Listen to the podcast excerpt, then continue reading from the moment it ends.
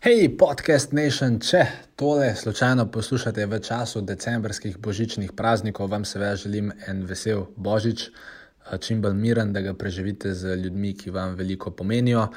In eh, pravzaprav sem vesel, da v tem času eh, vam očitno tudi jaz nekaj pomenim in da boste prisluhnili tej epizodi o petih načelih uspešne prodaje, verjamem, da vam bo všeč. Je malenkost daljša, pa ne zato, ker bi nekaj dolgo vezil, ampak zato, ker se gre za dejanski izsek iz enega plačljivega webinarja, kjer sem šel konkretno v prodajne detajle, ki vam znajo priti prav, ne glede na to, ali prodajate na spletu, ali prodajate v živo, ali sploh ne veste, da prodajate, ampak v vsakem primeru verjamem, da vam bo všeč. Se slišiva v sami epizodi režija, uvodna špica.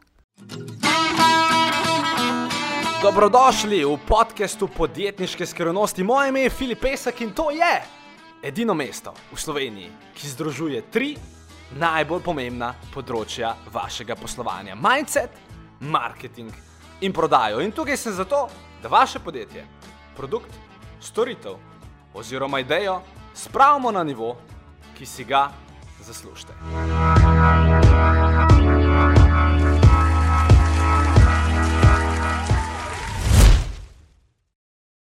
Načelo številka ena. Skušaj, skušaj, skušaj razumeti modernega potrošnika. To si lahko napišete, če si pišete. In tukaj bi vas za trenutek, mislim, da več ali manj, sicer mogoče kdo izmed vas prodaja res kakšni specifični publiki, ampak če generalno gledamo, z tiste, ki prodajate business to customer, ki prodajate končnemu uporabniku neki izdelek. Ne vem, če ste že kdaj to naredili, ampak zdaj bi se mi pametno, da, da si probate vsaj za trenutek predstavljati, kako povprečen dan te osebe zgleda. Torej, nekdo se vstane, odvisno seveda, kaj točno dela, ampak on se vstane ali pa ona se vstane. Doma, ne vem, pač gre na WC in Če je prva stvar, ki jo naredi to, kar mi grede veliko velik ljudi naredi, če slučajno prva stvar, ki jo naredi v dnevu, je to, da ali odpre e-mail ali odpre socialno mrežo. Poleg tega, da bo tam videla sliko strica, ki se je slikal za svojo mačko, a veste, kaj bo še videla? Torej, že v tretji minuti svojega dneva videla bo oglas. Mogoče bo od Filipa Peska, mogoče bo od koga drugega, ampak ona bo videla oglas v tretji minuti svojega dneva. Potem bo, če je doma, pa recimo, če si doma dela zajtrk, si bo prežgala radio, kjer bo slišala dve full dobre pesmi, in potem spet jo bo zadev nek oglas.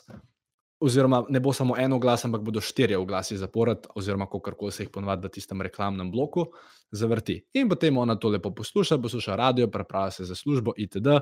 Oglasi, vmes gre spet malo telefon, jo spet tam kakšen oglas zadane, in potem gre ona dol uh, v dvigalo, če pač je v nekem stanovanjskem objektu, kjer je dvigalo, in potem v tem dvigalu.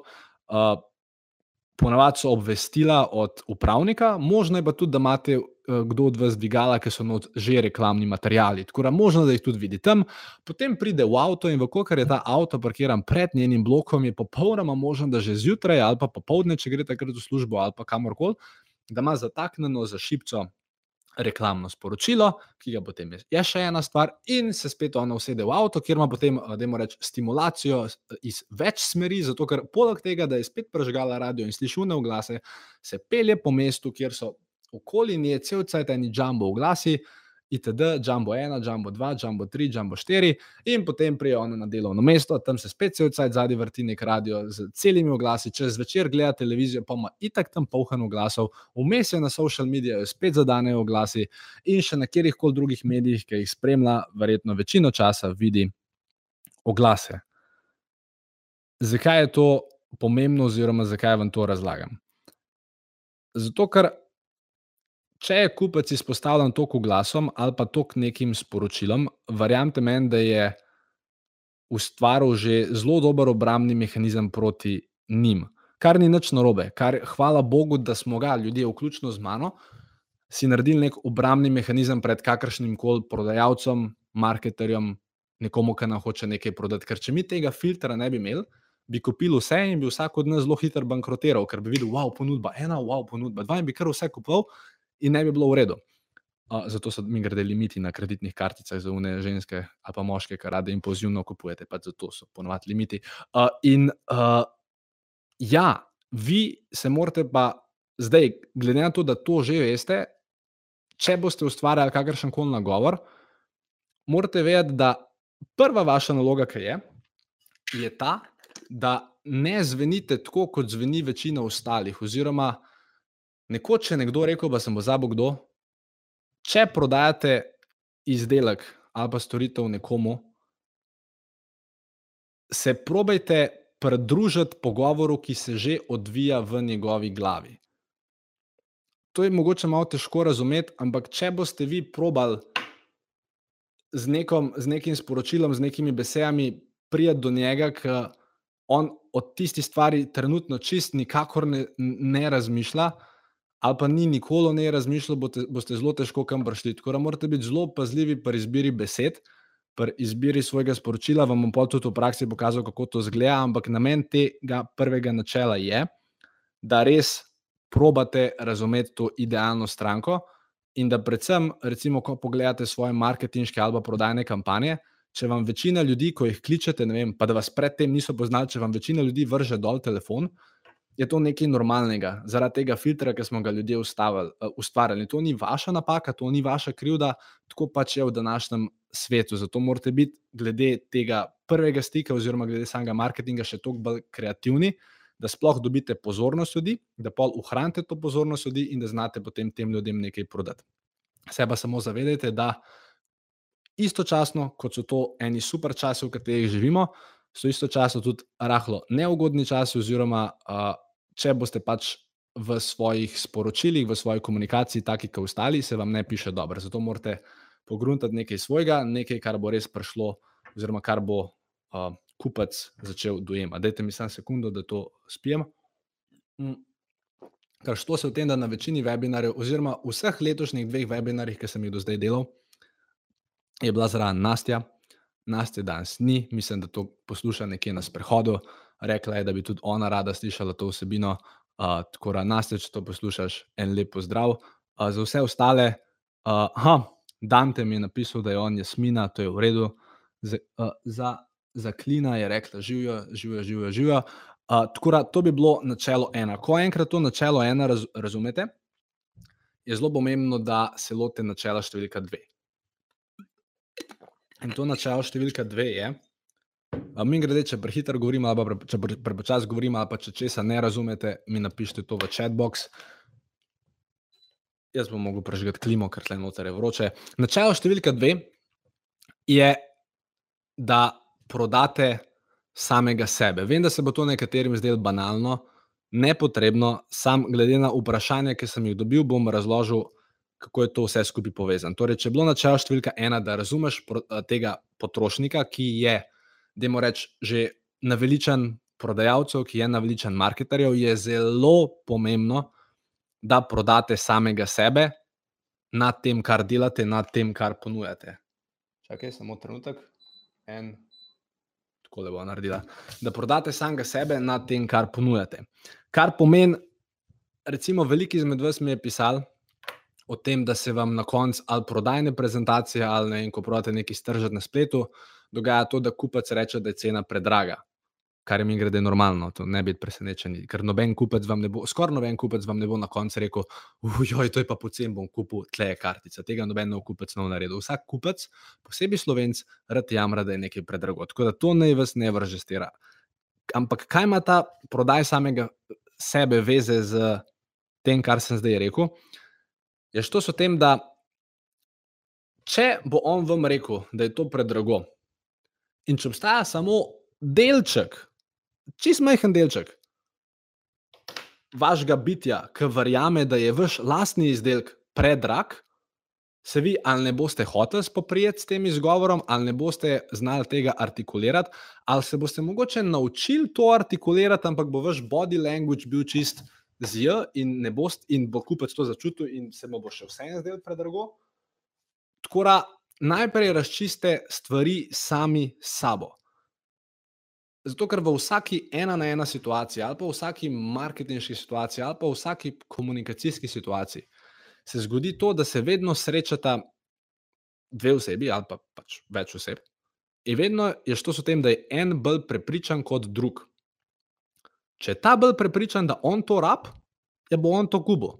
Če pa ta bolj prepričan, da on tega ne rab, kot on je prepričan, da on to rab, pa bo on tega nov kubo. Tako da zelo ključno se mi zdi, da ne glede na to, koliko časa že to delate. Pa mi grede, zdaj mogoče, ja, v to se mi zdi. To mi delamo v lastni firmi. Vsako jutro, ej, kaj je bilo dobrega, kaj dobro delamo. Povej en rezultat, ki ga je stranka dosegla. Po, dej, povej še enkrat, kakšni so bili rezultati te kampanje. Wow, super, ste vsi slišali. Pač gremo čez te stvari, kar je pomembno, da vsak dan in vi, in zaposleni, in kdorkoli v vaši ekipi se ponovno proda na tem, kar dela. Zato, ker če ne boste vi vsak dan se, da imate reči, ponovno navdušeni nad tem, kar delate se bo to odražalo v vašem prodajnem, marketinškem in podjetniškem rezultatu nasploh. Tako da vaja, ki bi vam na tej točki predlagal, da jo naredite, oziroma vaja, ki jo konec koncev lahko naredimo v tem trenutku skupaj, če to gledate, konec koncev hočem iz tega narediti malo bolj praktičen webinar, še posebej zato, ker bom pol odgovarjal na vsa ta vprašanja. Dajte si nekam napisati. Jaz sem to načama, ker sem prodajal od vrat do vrat, ker ja, šel sem čez tudi čez to obdobje. In ja, v bistvu v enem letu sem postal v svoji firmi številka ena, oziroma tisti, ki je največ prodal. Uh, zaradi, zaradi poznavanja psihologije prodaje in mogoče še kakšne druge stvari, kot so disciplina, time management, itd., mindset, ampak mogoče za kdaj drugič. Dajte napisati na list papirja pet stvari, zaradi katerih ste najboljši, ali pa boljši, ali pa zaradi katerih delate to, kar delate, oziroma pet stvari, zaradi katerih je vaš produkt, vaša storitev dobra in zaradi česar bi jo kupci mogli imeti. Napišite si pet stvari in si jih napišite. Stvar ena, stvar dva, stvar tri, stvar štiri, stvar, stvar pet. Lahko temu rečete, u, u, u, ne, ni, ni UTP. Kako se reče, unique selling, u, u, USP, USP. Lahko temu rečete unique selling proposition, lahko temu rečete benefit, lahko temu rečete konkurenčna prednost, lahko temu rečete karkoli drugega, ampak napišite pet stvari, zaradi katerih vi verjamete, da bi mogli potencijalni kupci z vami poslovati. In ko boste to napisali, moj predlog, vsaj za nekoga, ali pa če ste mogoče delate sam, pa nimate ekipe, s katero bi se pogovarjali, lahko si vsako jutro še enkrat napišete ta seznam, ali pa vsako jutro vsaj pogledate na njega. Ker v trenutku, ko vi ne boste več 100% prodani na tem, kar delate, bo šlo vse navzdol. Tako da, imejte to v glavi. Ker enkrat smo, recimo, na enem mojem dogodku uh, delali eno fus simpatično vajo. Uh, torej, ljudje so šli v pare. To, to mi grede predlagam, če imate ekipo, dajte to, kdaj narediti. Uf, to bi lahko mi naredili, že dolgo časa nismo, bomo naredili. Uh, sem, da sem, čak, tu si moram nekaj napisati. Čakaj, vaja lastni zapiski, samo uvaja, pet tipov. Okay. Uh, zakaj? Torej, postavite, ali ne, probite nekomu razložiti v dveh, treh stavkih, zakaj bi lahko poslovati z vami in ne z nekom drugim. Ker konec koncev vsak, vsako marketinško besedilo, vsako. Prodajni razgovor pride ne na začetku, ker na začetku je čisto možno, da nekdo sploh ne razmišlja o tem, da bi karkoli kupil. Ampak ko začne razmišljati, ko, ga, ko, ko on ugotovi, da ima problem, In ko začne razmišljati o tem, da mora neko pač rešitev odkupiti, ali zdaj od tebe, od konkurence, vse vse. Ampak konec koncev, na koncu, konc koncev, na koncu, omadona. Kupca zanima, zakaj bi on posloval s tabo in ne z nekom drugim. In če vi tega ne boste znali artikulirati, ne bo ok. In ne bo do samo, da boste znali to artikulirati, Pomembno bo tudi, da ko boste to artikulirali, da so vaše prste dvignjene, da je vaš pogled naravnost, da znate človeka pogledati v oči in mu samo zavestjo reči: Če kupiš današnjo posebno ponudbo, ne, ne bom nadaljeval, ampak veste, kaj vam hočem reči. Morate enostavno znati to skomunicirati in more to. Dejansko vi morate v to verjeti in to se mora odražati. Ne rabi biti besede najbolj perfektne, važno je, da je vaš body language v tistem trenutku uh, super, oziroma da tudi, ki pišete tekst, se lahko to tudi prek besed izraste ali pa prek video posnetka. Skratka, v kakršni koli obliki se že pogovarjate s tem končnim kupcem. Ko on prije enkrat do tega, da bi nekaj kubil, se v bistvu samo še to sprašuje, zakaj ti in ne kdo drug. kaj bom imel pri tebi, kar druge ne bom imel. Zakaj bi verjel tebi, če lahko to tam dobim cenej? Kaj itd. Na to vprašanje morate tako ali drugače znati odgovoriti. In tudi, recimo, mene danes boste videli, uh, kljub temu, da ste vi pač naredili to neko mini investicijo v ta webinar, ker mi gre za vse, kar boste dobili, pa za vse, vse tiste bonuse, ki jih imate, verjamem, da je ta ponudba vredna dosti več. Ampak kljub temu, oziroma za vse tiste, ki ste na tem webinarju, videli boste danes, da ko bom jaz govoril o teh dveh svojih ponudbah, torej filipesek.com pošiljnica ja, pa filipesek.com pošiljnica ena, da v meni ne bo nobenega sramu, ne bo nobenega dvoma, ne bo nobenega straha, ne bo nobenih trikov, ampak bom dejansko vam direkt povedal, kva imam, mislim, kaj imam, zakaj bi se nam to splačalo kupiti, kaj boste od tega imeli in to je to. Tako da, če grem na hiter, čez to ta prvo ponudbo, ki je več ali manj primerna za večino ljudi. Ta filipesek.com pošiljnica ena, še enkrat je namenjena samo podjetjem, ki že ustvarjajo več kot 50 tisoč evrov prometa in ki bi dejansko radi, da jim mi pomagamo zgraditi marketinške sisteme, ki bodo dejansko za njih. Na mesto njih dan in noč prodajali, oziroma jim pač uh, pripeljali stranke v njihov prodaj, potencijalne stranke v njihov prodajni proces. Tako da o tej ponudbi danes ne bom veliko govoril, za vse tiste, ki bi pa radi šli na filipesek.com, pošiljnica ja, imam pa naslednjo sporočilo, oziroma da vam sploh razložim, zakaj je ta ponudba bila narejena in kaj lahko vi od tega imate. Što se o tem, da jaz sem v zadnjih dveh, treh letih naredil ogromno delavnic, ogromno enih seminarjev, z ogromno ljudi sem delal iz, iz ogromno različnih branž. In ugotovil sem, da največji napredek so vedno naredili ljudje, ki so padali noter ki so od mene res akumulirali vsa možna znanja in jih uporabljali. Oziroma, z drugimi besedami, ljudje, ki sem jim pravzaprav bil mentor, ljudje, ki so ob meni gor rastali, ljudje, ki so me poslušali dan in noč, gor in dol, ki so dejansko potem uporabljali stvari, ki, jih, ki sem jih njim povedal.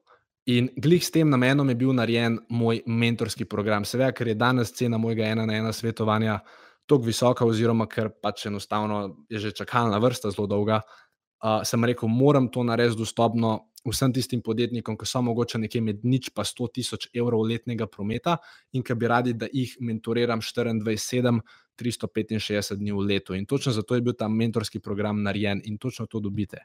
Mene, kjerkoli, kadarkoli. Dobite platformo, dostop do platforme, za katero sem jim grede plačal 2000 evrov, ker je res full huda na tablici, telefonu, računalniku, ker lahko kadarkoli in kjerkoli gledate vse moje online tečaje. Torej, vsaj več kot 70 ur vsebine tam, plus kjerkoli program. Dejansko v prihodnosti ustvarjam, ga bom dodal na platforme in je vaš brezplačen. Vsi te spletni tečaji, če bi jih kupili po redni ceni, takrat, ko so se prodajali individualno, bi za to odšteli 2100 evrov. Ne samo, da dobite ta dostop do platforme, dobite v bistvu tudi mesečni newsletter, ki ga seveda tle nimam, ne vem, zakaj ga nimam, ga bom najdel, kjer v bistvu vsak mesec grem čez nek study case, konkretno na dom dobite vsak mesec 30 strani čizga zlata, zelo vam bo všeč. Prav tako pa dobite enkrat na mesec dostop do ekskluzivnega QA webinarja, kjer se lahko z mano vsak mesec do pol ure pogovarjate, kjer lahko grem čez vaše oglase, spletne strani, fanale, vaše prodajne razgovore, izgovore itd. in rešim vse težave, ki jih ti trenutek imate. Ne samo to, da dobite te tri stvari, dobite tudi dostop do ekskluzivnega dogodka, ki ga imam za vse te all access oziroma mentorske. Oziroma, člane tega mentorskega programa vsako leto. In ja, čeprav bi vse te stvari skupaj, oziroma, čeprav vem, če boste vsa ta znanja uporabljali, bodo sigurno za vas v naslednjih letih vredna pre, prek 10 tisoč, aj 10 tisoč evrov cena ni. Če hočete dostop do te posebne ponudbe dobiti, uh, ta moj Filip Pesek, ki ga kombo še enica, ja, stane 697 evrov kar v bistvu ni veliko, glede na to, kar dobite. Kar je pa še boljše za vse tiste, ki mi mogoče še ne zaup, zaupate toliko, pa ki bi me radi malo potipali, imamo tudi možnost, da program zapeljete na testno vožnjo, oziroma da stvar plačujete mesečno, brez kakršne koli vezave, če se kar torej prvi mesec lahko sprobate, če vam je všeč, se bom pol naprej dogovarjal, če pa ne, pa ne. In ta prvi mesec stane 67 evrov. In do zdaj, vsi, ki so ta program kupili, so plačali 67 evrov za prvi mesec. Danes pa, ker ste tukaj, Pač, a, a vidite, ni nobenega, ni nobenega, mislim, nobenega strahu, nobenega sramu, povem, kako je. Enostavno, vi se morate naučiti ali v pisani besedi, ali v, ali v svojih tekstih, ali, ali kjerkoli, na kredibilen način, na direkten način povedati tisto, kar imate. In ne vas res ne bo strah, ker vas nimam biti česa strah. Skratka, Vsi ostali so do zdaj za ta testni mesec, pač za tiste, ki niso zbrali letne članarine, so pač za ta testni mesec odšteli 67 evrov, vi pa, ker ste kupili ta webinar, vam bom teh 27 evrov, ki ste jih danes investirali vase, vam bom odštel. Tako da dejansko boste vi za prvi mesec plačali samo 40 evrov, torej za 40 evrov dobite dostop do vseh mojih spletnih tečajev do zdaj, do vseh mojih webinarjev do zdaj, dostop do aktualnega webinarja, aktualnega newsletterja.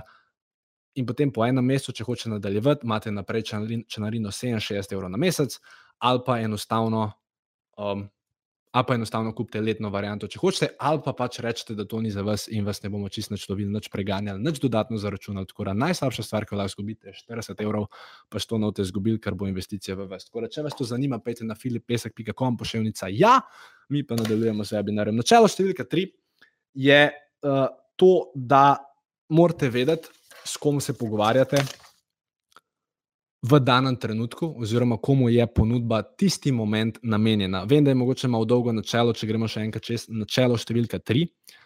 Sam napišite, vedi, s kom se pogovarjaš. A mi grede, če pa pač kupujete trenutno na filipesek.ja, pa pač uno kupite, pa se pa vrnete nazaj, sem se bo posnetek tukaj. Torej, načelo tri, vedi, s kom se pogovarjaš. Uh, čakaj, Čer, Sebastian je napisal, da sem legenda, klimo daj na 23 stopinj. Hvala, Damir, klima je na 22 stopinj trenutno, ampak tvojemu na svetu zaupam in ga bom dal na 23 stopinj, tako da imamo zadevo na 23 stopinj. Načelo 3. Vedi, s kom se pogovarjaš.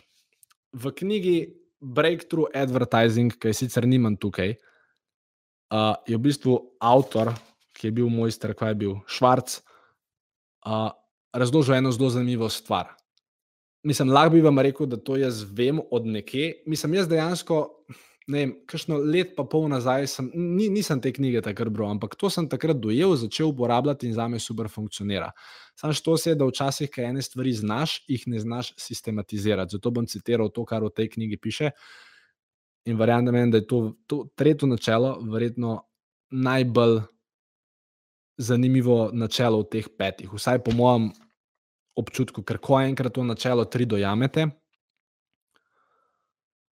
se bo vaš marketinški in prodajni pristop zelo spremenil na boš in tudi rezultati bodo šli gor. Ker štos tega, kar je Švarc rekel v tej knjigi, je v bistvu pet, uh, da imate reči, nivojev. Uh, Strankine ozaveščenosti. Torej, če, se, se delate zapiske, lahko napišete pet nivojev ali pa pet le, levelov, nivojev, pet nivojev strankine ozaveščenosti. In šli bomo od najnižjega levela ozaveščenosti do tistega največjega, in potem vam bom razložil, kako lahko svoj marketing oziroma prodajne skrite prilagodite tem petim korakom. Torej, prva kategorija so neozaveščeni ljudje. Torej, to so ljudje, ki sploh ne vejo, da imajo problem. Torej, ni, sploh ne vejo, da obstaja kakršen koli boljši način. In ker načeloma je osebno trenerstvo ali pa skrb za vaše lastno telo zadeva, ki jo več ali manj vsi razumete, bom uporabil ta primer, da si boste znali zelo predstavljati. Torej, oseba, ki bi bila neozaveščena, na tem področju bi bila oseba, ki očitno ne vem, živi nekje, mislim, ki nima kaj do stika z zunanjim svetom in ima recimo 20 kg preveč. Ne se to ne zdi nič spornega, niti. Mislim pa tudi, če bi vedela, da, bi, da je to kaj spornega, niti ne ve, da lahko karkoli glede tega naredi, tako da ona pač živi z 20 kg viška in je neozaveščena. Zdaj si pa predstavljate, da vi to neozaveščeno osebo targetirate z sporočilom na Facebooku: Hej, danes imamo pa 20% popust na individualno vadbo. To sporočilo ne bo rezoniralo s to osebo, ker ona najprej sploh še ne ve, da ima problem. In mi grede večina kupcev, s katerimi govorite, vsaj v večini panog, ne ve sploh, da ima problem. Tako da, če ne boste najprej štartali s to debato, zakaj ima problem, ali pa ne vem, karkoli v tej smeri, tisti 20-procentni popust ali karkoli že hočete skomunicirati, ne bo deloval. Tako da to je prvi nivo, neozaveščen, neozaveščen. 20 kg preveč, ne ve, da ima problem. Potem imate drugo skupino ljudi, ki bi lahko rekli, ozaveščeni o problemu. Torej, če vidite, pa tudi besedo torej, mislim, da veliko uporabljam. Oni vejo, da imajo problem, približno vejo, kaj ta problem je, ampak, ampak ne zastopijo čisto točno, kaj ta problem je. In nikoli se niso s tem soočali v preteklosti, in tudi še vse ne vejo, kako bi lahko to rešili. Torej, primer, ta ista oseba, ki je bila prej neozaveščena, začne ugotavljati, da je ona fuz zadihana, kot hod po štengah, ali pa da ima ne vem, kakršne koli vse ostale druge težave, ki so za prekomerno težo vem, povezani. In ona nekako ugotovi, da nekaj ne štima. Ampak ker se še nikoli s tem v preteklosti ni ukvarjala, nikoli ni hotla skušati, nikoli ni vem, šla na to, da skuša, niti ne ve, kam se naj obrne, to bi bila oseba, ki je tle, ozaveščeni o problemu. In če imate, recimo, vi kupca v ena na ena komunikaciji, ki je ozaveščen o problemu, ga ne boste rabili ozaveščati o problemu, tako kot tiste prve osebe, ampak boste lahko uno fazo preskočili, upam, da me razumete. To je pa zdaj druga skupina, torej neozaveščeni, ozaveščeni o problemu. Potem imamo ljudi, ki so ozaveščeni o rešitvi. In edini razlog, da to berem, je, ker vam hočem direktno iz te teorije povedati, kako je on razložil, ker je res dobro razložil. Ker če bi jaz razložil, bi verjetno dosti bolj površno razložil. Ljudje, ki so ozaveščeni o rešitvi, a, torej vejo, da obstajajo rešitve za to prekomerno težo, ampak ne vejo nič o tebi. Torej, oni, oni vejo, da imajo 20 kg premalo, preveč, recimo, karikiram, se pravi, lahko gremo tudi čez kjerkoli drug primer. Vejo, da imajo 20 kg preveč, vejo tudi, da obstajajo ljudje, da jim rečemo, osebni trenerji ali pa nutricionisti ali pa whoever, ki se s tem problemom ukvarjajo, ampak nikoli niso šišali zate, ne vejo, kdo si, In variante meni, če ne vejo, kdo si, in če vas nikoli niso slišali, vas tudi ne bodo poklicali. Zdaj, seveda, opcija je, da greste vi do njih ali s Facebook oglasom ali fizično, ampak to so te ljudje v tretji fazi. Torej, ve, ozaveščanje o rešitvi. Vejo, da nekdo nekje ponuja rešitev, ampak vas, žal, ne poznajo. Mi grede, če delate več kot 5000 evrov prometa, vam lahko le pomagamo, Filip, Pesek, Pija, Kombo, še enica ena. Uh, potem imate četrto fazo, oziroma četrto to skupino ljudi, so tisti, ki so ozaveščeni o produktu. Torej, to so recimo ljudje, ki so zdaj na tem webinarju, CCA, nekateri. Torej, oni vejo, recimo, da imajo problem, torej, da jim rečem, da je problem, uh, vem, da, da se njihovo podjetje ne razvija tako hitro, kot bi oni radi. Mislim, karikiram. Uh, vejo, da obstaja rešitev, Filip Pesek, bi jo kombo še venca, ja, ampak Vejo tudi, da obstajajo drugi taki programi. Ne vem, da obstaja mogoče kdo drug, ki ima mentorski program, itd. Ampak niso še mogoče čist prepričani, da je ta Filip Pesek bil kombo še enica. Ja, najboljša rešitev za njih. Torej, to so ljudje v tej četrti skupini. Pomate pa ljudi v peti skupini. Jaz sem jo zelo enostavno, da nisem več uporabljal besede ozaveščeni, sem samo napisal tvoji fani. Torej, skupina pet so pa tvoji fani. To so pa ljudi, Ljudje, ki imajo že moj Alexis program, ki so takoj, ki je on ven prišel, takrat maja 2019, so ga takoj kupili. To so ljudje, ki spremljajo tvoje Instagram storije, ki so či, ki čisto odpadajo, ki skoraj v bistvu vse kupijo od tebe, ki so dobre stranke, ki imajo tudi super rezultate s tvojimi produkti, storitvami, kar ko že prodajate. In to je ta peti nivo. In glavni problem, recimo v marketingu ali pa v komunikaciji, je, da se večina izmed nas ne zaveda, s kom ti trenutek komuniciramo. Ker če jaz komuniciram z vami na webinarju, na katerega, za katerega ste vi že dali nekaj denarja, torej, če ste vi prišli sem in mi že dali denar, to pomeni, da mi verjetno zaupate, ker če mi ne bi zaupali, verjetno ne bi bili tukaj. In zato je zelo nesmiselno, da jaz v svoji predstavitvi svoje današnje ponudbe še enkrat razlagam, kdo je Filip Pesek, pa kaj je naredil, pa vam v 20 minutah razlagam svojo življenjsko zgodbo, ker to ni pa da gradim nek rapport, ker vi me poznate, vi, vi mi zaupate, zato ste danes tukaj.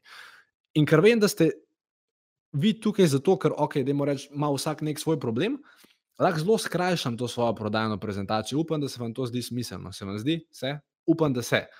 Uh, in, in vedno probejte razmišljati o tem, v kateri fazi ta vaš kupec je. In naj vam izdam eno skrivnost. Za vse, ki ustvarjate marketinška sporočila, za vse, ki uh, ne vem, ja, probate nekako doseči te kupce, je nekako tako.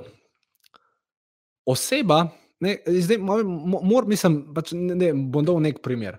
A pa, ajte, recimo, da govoriva o, ajde, kosilnica je tak čuden primer. Uh, dajmo govoriti o, dajmo govoriti o čem bi lahko, a mi da nekdo primer o nečem drugem, o čem bi lahko, lahko govorili, da, da ne bomo govorili samo o stvarih, ki si jih jaz tle izmišljujem. Dajmo govoriti, da, oziroma dajmo reči, da govorimo o, kaj pa jaz vem, o, ma ne, dajmo nadaljevati s tem osebnim trenerstvom. Dajmo govoriti o stenskem albumu, odlično, stenski album, wow, tega pa še nisem prodajal. Stenski album. A mi lahko samo razložiš, kaj je stenski album? Ni net.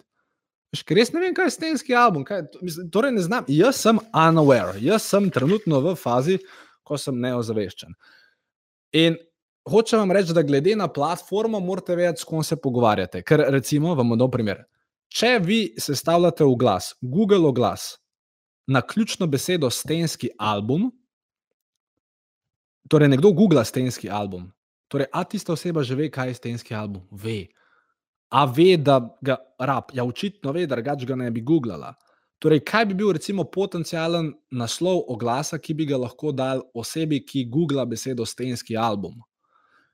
Naslov oglasa bi lahko bil pet stvari, vejca, ki jih morate vedeti pred nakupom stenskega albuma. In to je bilo idealno sporočilo, ki bi bilo zelo magnetno za ljudi, ki stenski album v tistem trenutku iščejo in bi to bilo super. Medtem, če hočete ustvariti kampanjo na Facebooku ali pa Instagramu, ker večina ljudi tisti trenutek ne razmišlja o nakupu stenskega albuma, bi pa vaš tekst ali pa karkoli že komunikacija se mogla začeti z besedami. Hej, ali se vam je kdaj zgodilo, da ste imeli toliko čudovitih slik, pa niste vedeli, kam jih dati? Hmm, pa, pa ste potem probali s tem, pa ste probali s tem, ampak nič ni delovalo. Hej, za vas imamo čudovito rešitev, reče se istenski album, tako deluje, toliko stane, tukaj je današnja posebna ponudba. Prosim, ne uporabljajte teh besed. To dajte zapakirati v malo manj top shop varianto, ampak mislim, da razumete, kaj vam hočem povedati. Ker namen tega je bil, da, da, da dojamete, da mora biti vaše sporočilo drugačno, glede na ali medij, v katerem se pojavlja, oziroma ljudi, uh, glede na ljudi, ki jih nagovarjate. Tako da vedno, torej, zavedajte se, da na Googlu, če pač se stavite v glas za svojo lastno besedo, so ljudje že več ali manj v fazi, so že več ali manj ozaveščeni v rešitvi. Če pa targetirate ljudi na Facebooku, Instagramu, večina ljudi ponovadi sploh ne ve, da ima kakršen koli problem, da ima, ima kakršen koli problem, itd. Tako da tam morate pa svojo marketinško prodajno sporočilo zastavil dosti bolj širok. Tako da upam, da se vam je ta modul oziroma načelo številka tri zdel smiselno. Če je tukaj na tem mestu kakšno vprašanje, dajte mi ga postaviti, ker jaz bi rad nadaljeval z modulom številka štiri. Damir bi rad slišal eno v rastlinah. Damir bova prišla do rastlin, se, se bom prišel na obalo, v kratkem pa bova rekla eno v rastlinah. Mislim, to niso nobene čudne rastline. Damir ima v bistvu jerihonsko rožo, ena full super roža, ki jo je prodal že v full velikih vodih, glih zaradi tega, ker tudi on pozna psihologijo prodaje. A, potem imamo načelo številka štiri. Načelo številka štiri. Torej, tri smo da že čez, imamo še načelo številka štiri in potem pet. Zakaj, torej, načelo štiri, zakaj ljudje nekaj kupijo? Lahko si napišete, zakaj ljudje nekaj kupijo.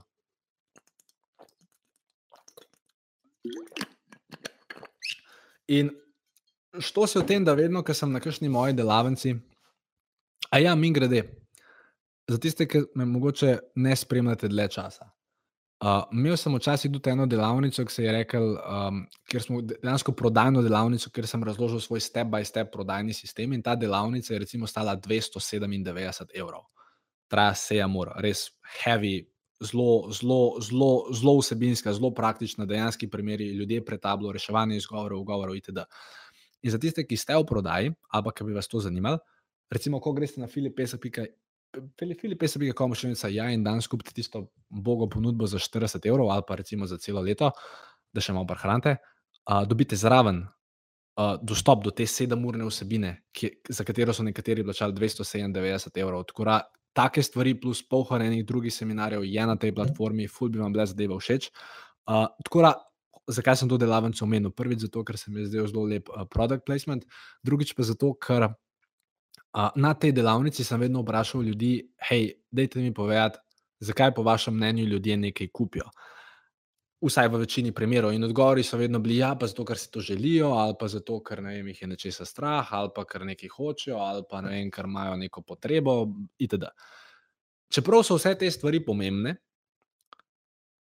je šlo s tem, da ljudje v večini, ne bom rekel v vseh, ampak v večini, oziroma ja, v večini, v skoraj vseh primerih ljudje nekaj kupijo zato, ker hočejo rešiti en problem. Primer, nekdo kupi novo kosilnico, ker se mu je stara pokvarila. Drug, drug primer. Ženska se hoče boljš počutiti, torej se tisti trenutek ne počuti najboljš, hoče se počutiti boljš glede sebe in si kup torbico. Se, to ni zato, ker se ona želi torbico, to je zato, ker rešuje nek, ali pa ne, ima nek outfit, kjer obstoječa torbica ne paše na ta outfit, ker bi rada nekoga impresionirala. In ker ima problem, ker nima te barve torbice, se gre pa kupiti uno torbico. Itd. Tako da, več ali manj vsi primeri nakupnih odločitev so vezani na to, da se nekaj rešuje, oziroma da, da stranka reši nek problem, ki ga ima. Seveda smo pa že prej ugotovili, da nekatere stranke sploh ne vejo, da imajo problem in morate najprej ta problem predstaviti tej stranki. Uh, in če potem se ve ugotoviti, da ga ima super. Ker jaz vedno, mislim, mogo bi to že na začetku povedati. Se sem povedal, v bistvu že na spletni strani, ki ste se sem prijavljali, prijav, prijavljali, ampak što se v tem, da način ali mojega marketinga, ali moje prodajne komunikacije, ali česar koli, je zelo direkten. Ne uporabljam nobenih kašnih blaznih manipulacij, da bi ne vem, ne vem koga zavajal, da bi nekomu probal prodati nekaj, kar ne rab. Če jaz vem, da stranka dejansko nima po nečem potrebe ali pa da nima problema, se s tisto stvarjo ne ukvarjam. Tako da, če je le možno, bi vas danes za voljo boljšega podjetništva, za voljo boljšega življenja v Sloveniji, prosil, da ste kar se da moralni in etični pri svojih ali prezentacijah ali marketinških sporočilih, itd. Uh, to sem vedno zagovarjal, tudi če greste na spletne strani, ki so dejansko v lasti naše firme, torej filipesek.com ali pa vitalnavora.com. Uh, ali pa če greste gledati kjerkoli kampanjo, ki smo jo za kjerkoli naročnika delali, boste videli, da so povsod uh, jasni disclaimeri, da povsod v samih tekstih vedno piše, da, ne vem, recimo tukaj ste kupili ta webinar, mislim, da je pisal, mislim, je sigurno pisal spori na tej spletni strani, uh, da ne kupite tega webinarja v primeru, da, pr, da pričakujete, da koga boste kupili, da boste kar iz nič naredili milijon evrov, brez da bi karkoli delal, vložili v to, itd. Pač provam biti kar se da transparenten. Seveda, jasno, če hočeš v marketingu nekaj prodati, komunicirati, seveda boš stvari zapeljal v tako smer, da, bodo, oziroma, da, da so zate nekako, oziroma da, da probaš predstaviti neko za dejstvi podkrepljeno resnico, itd. Ampak hočem samo reči, ne. Probajte biti, kar se da, transparentni. To tudi jaz zagovarjam. Uh, tudi vem, kdaj da sem mogoče v preteklosti kakšno napako naredil, vem, da je še mogoče jaz, kakšen produkt ali pa storitev, ki je predstavljal da če bi lahko šel nazaj v čas, da bi kakšno stvar drugače napisal, ampak se vsaj tega zavedam in se trudim, da sem v svoji komunikaciji do ljudi, ki jih imam okrog sebe, do vse konc koncev, uh, res transparenten. Uh, tako da, dejte probati isto stvar narediti tudi vi. Uh, in če se vrnem nazaj na vprašanje številka štiri, ne vem, kako sem zdaj jaz zajadil. Vprašanje številka štiri. Večina ljudi kup nekaj, kar ima nek problem. Sam što se bo v tem, da mi kot komunikatorji, uporabljal bom ta izraz, mi bodo všeč, kot prodajalci in marketerji. Uh, da mi velikrat mislimo, da ima stranka nek problem, ki mi mislimo, da ga ima. Vam bom na primeru povedal, kaj s tem mislim. Ker što se je, da čist možno je, da stranka to zadevo kupuje zaradi ene čist druge stvari, ki mi mogoče mi sploh nismo predvideli. Recimo, če pogledamo primer rdeče kosilnice. Seveda, najbolj logična stvar, da nekdo pride kupiti rdečo kosilnico v recimo Merkur, je to, da pač ali se mu je stara pokvarila, ali se je pa enostavno preselil nekam, kjer pač prej je živel v stanovanju, zdaj je šel pa v hišo in ima zdaj tam travo in more pokositi to travo. Torej ima problem trava, rab rešitev, torej nekaj, kar bo to travo pokosil, in je prišel po kosilnico. Ampak niso vsi kupci taki. To je ena možnost, zaradi katere lahko nekdo kupi kosilnico. Imate pa pol, ne vem, več drugih problemov, ki jih mogoče on s tem nakupom hoče rešiti. Ker ena opcija je, recimo, da nekdo je kupil kosilnico, ampak ne vem, si je vmes zlomil roko, a pa ne vem, poškodoval ramenjski obroč in zdaj une zagle ne more potegniti. In rab kosilnico, ki bo vem, na, na knov se prožgala, kjer noš rabo unga potegniti ali whatever. Mogoče je to njegov problem. Mogoče je njegov problem ta, kar je v Sloveniji sploh ni tako nenavadno. Da bi nekdo kupil kosilnico samo zaradi tega, da bi imel boljšo kosilnico od soseda. Ne zato, ker ta zdaj ne bi bila ok, ne, ne zaradi, ampak zato, ker on hoče imeti boljšo kosilnico od soseda. In če vi, seveda, prodajate nekaj ena na ena, ali stranka prije k vam v trgovino, ali greste video stranke, to se ve zelo enostavno. Sam večina prodajalcev tega ne naredi. Obstaja zelo preprosto vprašanje, s katerim lahko zadevo rešiš. Sam še enkrat, moraš biti dosti samozavesten, pa dosti prodan na svojem izdelku, da lahko to vprašaš. Jaz ne bom nobenega silu, da to vprašam, sam predlagam pa vam, da če imate, kot španci temu rečejo, kohones, uh, da pač to vprašate. In enostavno, ne vem, če stranka prije v vašo trgovino, vi, gospod, mi grede, eh, s kakšnim, s kakšnim namenom pa kupujete to kosilnico. Vse vam bo stranka več ali manj povedala. Če, če, če ste uspeli prek svojega body language, tonalitete, vprašanj, preteklih stvari, vzpostaviti avtoriteto, vse vam bo stranka povedala. Uh, tako da vprašajte, namenom ste danes tukaj? Ej, gospod Zancem, klical sem se zmena za ta sestanek, zdaj sem na tem sestanku, zakaj ste sploh prišli na ta sestanek? kaj vas, kaj vas je pritegnilo? Vse ga lahko vprašate, kaj se dogaja, kje so težave, zakaj ste rekli, da bi se radi pogovarjali o zavarovanjih. Mislim, vprašajte ga, lahko ga seveda tudi ne, sam pa boste cel cajt ugibali. Isto je recimo v, oziroma pač v ena na eno komunikaciji lažje. V marketingu je pač mal problem, ker enostavno, recimo posebej, če pišeš tekst, ti se ne moreš z njim pogovarjati. Ker če ti pišeš tekst, ti njega ne moreš za feedback vprašati. Torej, moraš ukalkulirati, kaj so vse lahko potencijalni problemi, ki jih on hoče rešiti, in nekako vse tekom tega teksta razložiti, oziroma povedati, kako bo kosilnica pomagala te osebi, da prvič jo bo lahko otrok pržgal, da drugič, da bo lepo pokosila travo, da tretjič, če slučajno oziroma da je potem skriti adut pri nakupu te kosilnice tudi ta, da mu jo bodo zavidali prav vsi sosedi in sosedje, in da ga bo tudi žena prav tako lepo pogledala in mu rekla: Wow, ti pa imaš res lepo, veliko rdečo kosilnico, kakorkoli. Upam, da razumete ta četrti point. Torej, probite razumeti, zakaj ljudje nekaj kupijo, oziroma se zavedate, da včasih. Da je najlažje osebo vprašati, zakaj nekaj kupuje. Ker če boste probali nekomu, ki kupuje kosilnico, razlagati o vseh tehnikalijah, ga boste izgubili, ker on hoče samo vedeti, kje je najdražja, kje je največja, pa kje je boljša od sosedove. Hope it makes sense. Potem imate tukaj načelo številka pet. Uh, Jasmina me je grede vprašala, glede te, glede te uh, ponudbe. Jasmina, seveda, če. Ha, ne zdaj odgovarjati. Ha, ha, ja, pa jaz sem to videl, bom zdaj odgovoril. Uh, torej, če ti ta po tem testnem mesecu za 40 evrov, če hočeš po, po tistem vzeti celo letno, torej za 697, da pač prešparaš, seveda lahko. Pač na koncu prvega meseca načama tako, da vas pokličemo, vi poveste, ali bi radi prekinili, ali bi radi mesečno naprej plačali, ali bi radi letno naprej plačali in to je to. Tako jaz mi na odgovore ja. Uh, Zaklina me je vmes vprašala, ali lahko še enkrat razložiš razliko med eno in drugo platformo. Ja, mislim.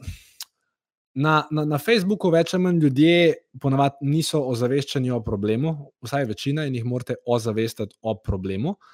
Uh, Medtem, ker recimo na Googlu, seveda spet odvisno, kaj iščejo. Ker če nekdo išče, recimo, prej smo bili na, uh, kjer primer smo imeli, uh, torej stenski album. Če nekdo googla stenski album, pol je on že zelo dobro ozaveščen o rešitvi stenski album in samo še googla stenski album in pač bi bil naslov pet načinov za, oziroma pet stvari, ki jih moraš vedeti, preden kupiš stenski album, bi to bil pravilen naslov.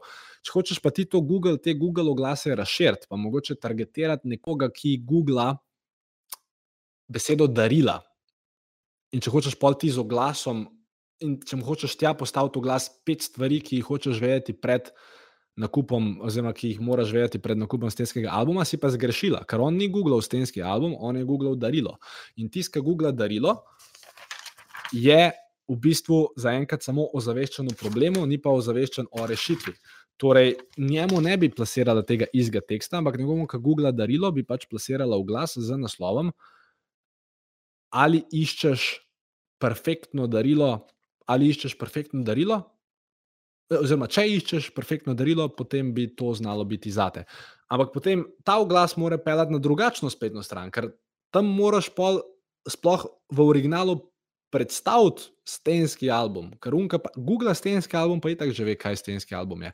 Pač, tok, da, da razumete. Niso vse pogooglane besede, oziroma človek, ki googla posamezno besedo. Ne, ne morete skratka na vse besede dati izga v glas. No, se mislim, da razumete. Če se vrnemo nazaj na načelo številka pet.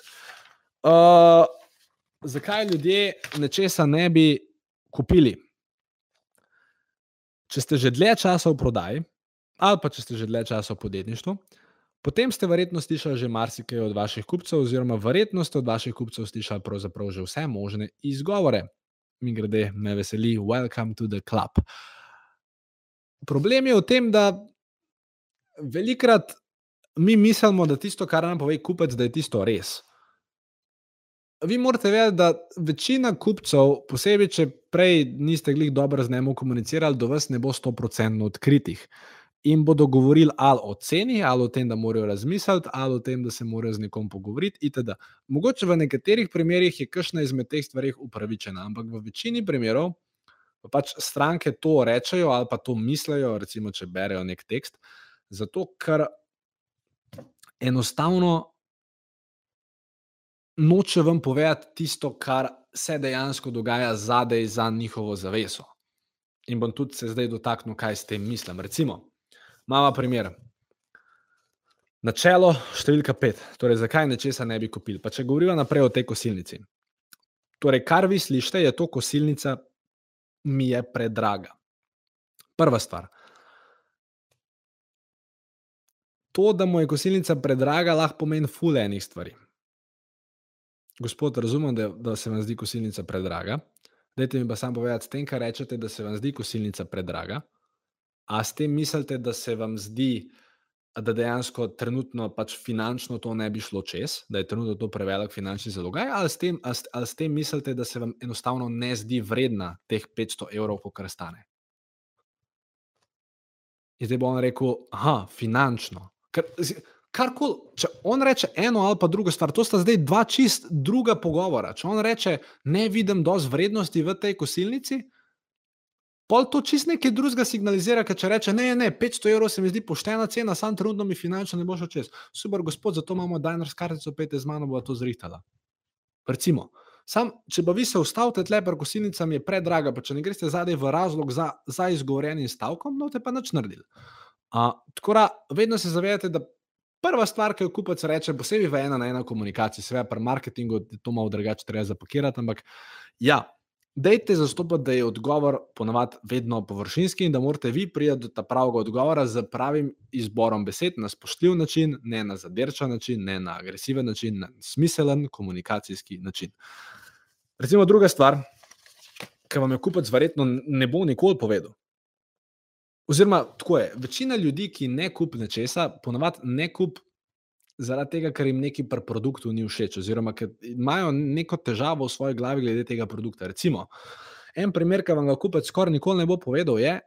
Ja, pismo, če jaz skupam to kosilnico, kam me bom pospravil? Prokleta majda žena mi je celo uno, rumpel kamero nasrala, nimam več kam tega dati, kam, kje naj imam to, v garaži doma ali kje gor v dnevni sobi. In zato mogoče, ker oseba vam tega ni povedala, in ker vi osebi niste povedali, da je kosilnica zložljiva in da jo lahko date gor na kluko, mogoče zaradi tega na kubu. Ampak to so recimo stvari, ta zgodba v Majdi, tega vam on ne bo povedal. Vi morate tekom prodajne prezentacije razložiti, da je lahko zložljiva in da jo lahko da kamorkoli. Itd. Potem, ne vem, tretja stvar, ki vam lahko reče. Nisem prepričan, da jo bo lahko uporabljal tudi moj otrok. Torej, on kupuje kosilnico, ampak ker ga vi niste dosti stvari vprašali, vi v bistvu cel cel cel mislite, da bo on kosil, čeprav on sploh ne bo kosil, zato ker ima 12 let starega otroka in se z njim zmejo, da mu plača 6 evrov na košnjo in bo on namest njega kosil. In če vi v svoji prodajni prezentaciji note ugotovili, za koga on to, za, za koga on to kosilnico kupuje, in če note nekje razložili, recimo v marketinškem tekstu, da lahko s to kosilnico upravlja tudi otrok, boste zgrešili. Ampak spet, to so stvari, ki vam jih kupec ponovadi samo od sebe ne povedo, če ga ne vprašate, ali pa če v marketinškem tekstu tega ne razložite. Četrta stvar, o kjer bi se lahko kupec sprašval, torej, ja, to smo že šli, ali bom sploh lahko potegnil tisto zajlo za užik, tega vam on ne povedal. To morate vi tam pokazati, če prodajate kosilnico. Lete, gospod Migrde, vem, da ste že star, imate okrog 89 let, sploh ne vem, kako ste se sem prepeljali. A se lahko potegnil to zajlo? Devajo zdaj proti, mislim, ne vem, karikiram, ampak mislim, da me razumete, kaj vam hočem reči. Peta stvar, kaj pa, če se mi pokvari, kje dobim rezervne dele? Mogoče ga to skrbi. Ali pa imel slabo izkušnjo s preteklo kosilnico. Če se o tem ne boste pogovarjali, je možno, da se prodaja ne zgodi, ali pa če tega ne boste nekje v tekstu razložili. Tako da, prej grem še na šest, pa sedem, oziroma prej grem še na, na šesto, pa sedmo stvar, ki se je mogoče lahko kupiti pri tem načelu pet misel. Vam sam hočem reči, ko boste ustvarjali marketinški tekst. Poleg tega, da si boste preden, pre, ne, ne pol, ki je že spisan, ampak preden vi pišete nek tekst ali pa nek prodajni oglas, whatever, posebej, če je lahko daljši. Zdaj, če imate radijski oglas, ne morete vi zdaj v radijskem oglasu, posebej, če kupite 30-sekundni spot, ne morete vsega tega povedati. Ampak, če imate pa več časa, pa poleg tega, da si napišete, zakaj bi ljudje mogoče ta moj produkt imeli, kje vse probleme lahko reši, si tudi napišete, zakaj oni tega ne bi kupili in probejte te izgovore tekom vaše prodajne prezentacije, sporočila, česar koli, rešiti. Mi smo, mi grede, prišli že na dobro uro tega webinarja. Če slučajno to sedite, če slučajno gledate to doma, jaz bi vam zelo predlagal, da se ustanete. Predlagal bi vam, da se malo uh, razmigate, ker uh, tudi mi načeloma v pisarni, uh, mislim, ni pravilo, je pa smernica. Vsakmu svetujemo, da ima 45 minut timer, in se po 45 minutah dela vedno ustane, ker sicer nisem strokovnjak na tem področju, ampak nekako po zdravi kmečki pameti. Če cel cajt sediš, telo ni optimalno prekrvavljeno, če ni optimalno prekrvavljeno, je pa težava, ker se ne prije ne vem, to kisika, pa vseh ostalih stvari do možganov in, in slabše funkcioniraš, plus verjetno za samo držo telesa tudi ni optimalno, da si tako dve ure pa nekaj gledaš. Tako da jaz bi vas na tej točki povabil, da se za mogoče 20-30 sekund ustanete, malo razmigate. Uh, bom prišel čez 20 sekund nazaj, ampak tudi jaz se bom nekako ustal. Uh, in uh, ja, v kratkih hlačah sem danes, je uh, poletje, če to gledate, slučajno v kakšni ponovitvi. Uh, ta webinar je bil konec avgusta, uh, ker je klima, imam pa gore ne take full tople štumfe, tako da me v noge ne zebe, uh, tako da malo se mogoče razmigajte. Tako kot jaz, sem pač ho hočem, da je moja glava na to ekranu, pa ne vem, če mi vrata in se potem vrnete nazaj na svoje mesto. To zdaj mogoče ni bilo optimalno, mogoče bi lahko še parkrat skočil, ampak za spoštovanje do unih, ki še kar sedijo, bomo nadaljevali. Z načelom številka pet. In sicer mogoče se on sprašuje. Mislim, to je primer kosilnice, o kateri nimam pojma, ampak to so bile stvari, ki sem se jih jaz spomnil, ko sem razmišljal o tem, kaj bi naredil, če bi prodajal kosilnico. Mogoče Pa kdo zdaj nima kosilnice, ker si jo sposoja od soseda. In sosedu plačuje 10 evrov na košnjo, ali pa sosedu plača 10 evrov, zato da si on lahko sposod kosilnico in kosi z njegovo kosilnico. In če ga tega ne boste vprašali, če tega ne boste vedeli, oziroma če tega v marketinškem tekstu ne boste razložili, da je dosti bož, da on kup kosilnico, kot da si jo sposoja, in tudi argumentirali, zakaj, ali pa naredili nek informativni izračun, koga bo stal, če ima svojo za 500, ali pa če si sposoja eno za 10 evrov na košno. Osemkrat v letu, 80 evrov, torej da se mu bo v sedmih letih investicija povrnila, plus da bo pol, če ima svojo, bo lahko prodal za 200 evrov, spet drugemu sosedu, in pa bo v bistvu to samo 300, pa pol za tečajem, staro za novo, itd tle morate razmišljati res v vse možne stvari, še posebej pri marketinškem tekstu, ker v marketinškem tekstu se, se vi ne morete z nikomer pogovarjati in morate vse možne objekšne razbiti. Mislim, razbiti, pač razložiti. Povedati, zakaj ni tako, to lahko naredite tekom teksta, potem lahko na vsako spletno stran dodate FAQ oziroma odgovore na najbolj pogosto zastavljena vprašanja. Um, itd. In potem imamo še znotraj tega sklop, sklop, sklopa 5, zakaj ljudje nečesa ne bi kupili. Imamo potem sklop, oziroma pomislek 7, ki se lahko pri kosilnici pojavi in ki je pravzaprav eden izmed največjih pomislekov pri vseh nakupih.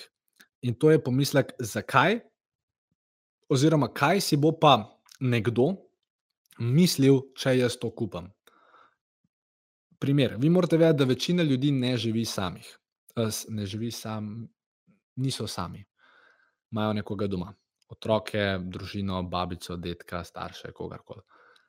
In što se o tem, da včasih sploh ni problem, da on da 500 evrov za kosilnico. Ampak včasih je problem, da mora politi on domov, k ženi, ki že pol leta ni nič kupil. In reče, veš, žena, v njih 500 evrov, viš, ki sva jih imela, jaz sem kupil kosilnico, zato ker hočem, da imam boljšo kosilnico od soseda. Tako da vi v ena na ena komunikaciji lahko zelo, mislim, tega note nikoli ugotovili, tega vam skoraj noben nikoli ne bo povedal. Ampak, v, če imate ena na eno prezentacijo, je vedno fajn, da osebi rečete, lete, gospod, mislim, ko boste to kupili, variante meni, vsi v vaši družini ali pa ne, vsi v vašem okolju bodo ponosni na vas. Skratka, razložite, kako bodo drugi ljudje videli ta njegov nakup. Oziroma, v marketinškem tekstu to probejte nekako uh, pojasniti oziroma razložiti, ker to je velikrat eden izmed največjih objekcij. Tako za vse tiste, ki ste danes tukaj sami, pa nimate partnerja, pa se s partnerjem večino stvari odločate, ne vas ne skrbi. Prvič, verjamem, da vam partner to zaupa, da če boste vi dali 40 evrov v svojo izobrazbo, to, kar stane prvi mesec, filip pesek, pika kompoševica, ja, da ne bo noben na vas jezen, oziroma bo celo ponosen, oziroma ponosna, ker ste naredili nekaj zase uh, in ker boste pa lahko z vsem tem znanjem, ki ga boste dobili, boste lahko tisti mesec imeli večji promet, večji profit, jo boste lahko kampelali. Skratka, super bo. Tako da to ne vas ne skrbi. In tudi, če boste kupili eno stvar za 697 evrov, mogoče bo kdo na vas jezen, mogoče. Sam verjamete meni, da čez en let vas bodo pa po rokah nosili zaradi tega, kar boste vedeli, pa tega, kar boste naredili. Primer. Sam primer dajem. Um, tako da, recimo, uh, štos, uh, ki sem jaz šel na uh, kortodontu. Me, torej, šel sem kortodontu pri 14 letih in šel sem kortodontu pri 22 letih, cca. In noben od njih, torej njim se najbolj splača, da meni prodajo une železnice, une, kaj un, aparat, une zvezdice. In ta aparat stane 5000 evrov. In meni ga niti prvi ortodont ni znal prodati, niti drugi ortodont mi ga ni znal prodati. Zato, ker razlog, da jaz tega nisem hotel, oziroma da sem ustrajal pri tem, da se to ne inštalira v moja usta, je bil pač v tem, ker me dejansko skrbel, kaj si bodo ljudje mislili, ko bom jaz s tem hodil, fakt tri leta bom se ne bom smel smejati, to ni ok. In pa pač sem jih jaz prodal na tem, da mi oni prodajo un, un za 100 evrov, se vam pa not lahko dajo une silikone ali kva so, in imam danes najlepši nasmeh. Ampak ker oni niso znali tega argumentirati, ker niso znali tega objektivno razbiti, ker mi niso znali reči, hej, Filip, mi grede. A veš, da danes bebe še bolj palijo, na fantek imajo zvezdice. Ja, ja, ja. In pa lahko peleš ven na zmenki in rečeš, hej, poglej to zvezdnato nebo. In tudi če je oblačno, se ji lahko nasmeješ in ona vidi zvezdnato nebo. Recimo, ne vem, kaj pa vem. Tako da, ja, razmišljate o teh stvarih. Uh, in ne glede na to, to je bilo pet načel. To zdaj se mi je zdelo dejansko smešno, kar sem rekel, upam, da še komu drugemu. Če povzamem teh pet načel. Načelo številka ena, razumi modernega potrošnika, načelo dva, prodaj samega sebe, načelo tri, vedi, s kom se pogovarjaš. Načelo štiri, vedi, zakaj ljudje nekaj kupijo, in načelo pet, vedi, zakaj ljudje nečesa ne kupijo. In vedite istočasno, da ne glede na to, ali govorimo o ena na ena prodaji ali govorimo v marketingu, vi lahko vse te stvari razložite direktno ali indirektno, in vedno bo boš, če jih boste razložili indirektno, oziroma če boste lahko eno stvar razložili indirektno, bo zadeva dosti bolj smiselna. Vam bom dal primer. Da imate, torej imate spletno stran, in veste, da prodajate nek, uh, ali pa pristajalno stran in prodajate nek dražji izdelek. In veste, da več ali manj, mislim, da je res dražji, full dražji. Mislim, vse, vse ste probali narediti, vse ok, zakaj je dražje, ampak veste, da mogoče bo pa cena vseeno kje problem. In namesto tega, da 16krat vi pravite razložiti, razložiti, zakaj je cena taka, lahko samo rečete, hej, mimo grede. Prejem pa nadaljujem, oziroma vam povem, kaj je v današnjo ponudbo vključeno. Naj samo z vami delim mnenje zadovoljne uporabnice Magde. In potem je Magda rekla: Joj, tudi jaz sem bila zelo skeptična pred nakupom. in se mi je zdelo res tako drago, ampak zdaj pa, ko sem to kupila, najboljših 100 evrov, karikiram. Pač, če lahko prek mnenja ene tretje stranke, ali prek zgodbe, ali prek neke študije, raz, da mu rečete, razblinite neko govor, ki ga stranka ima. Ste s tem ogromno naredili. Oziroma, bo to dosti bolj rezoniralo za stranko, kot pa če vi probate nekaj razložiti iz vaše perspektive. Upam, mislim, nimamo dovolj časa, da gremo preveč globoko v ta koncept. Hočem samo, da uh, razumete, da se dajo stvari povedati direktno in indirektno. In indirektno to lahko to so lahko mnenje zadovoljnih strank, lahko so primere, lahko so uh, metafore, lahko so pregovori, lahko so zgodbe itd. Pa če boste lahko tekom marketinga kakšno stvar na ta način razložili, boste dosti hitreje. Um, rešili morebitne ugovore, izgovore, ki jih kupec ima. Pa vi imate kakšen izgovor ali ugovor, da ne bi v letu 2019 oziroma 2020 poslovali z mano? Super, če ga nimate, potem skočite na filipesek.com, veliko dobrot je tam. Če pa ne, hej, neč na robe, svet se bo še naprej normalno vrtel, me, me veseli, da poslušate ta podcast in kot rečeno, že na samo vodo, vesele praznike in uh, se slišiva k malu. Čau!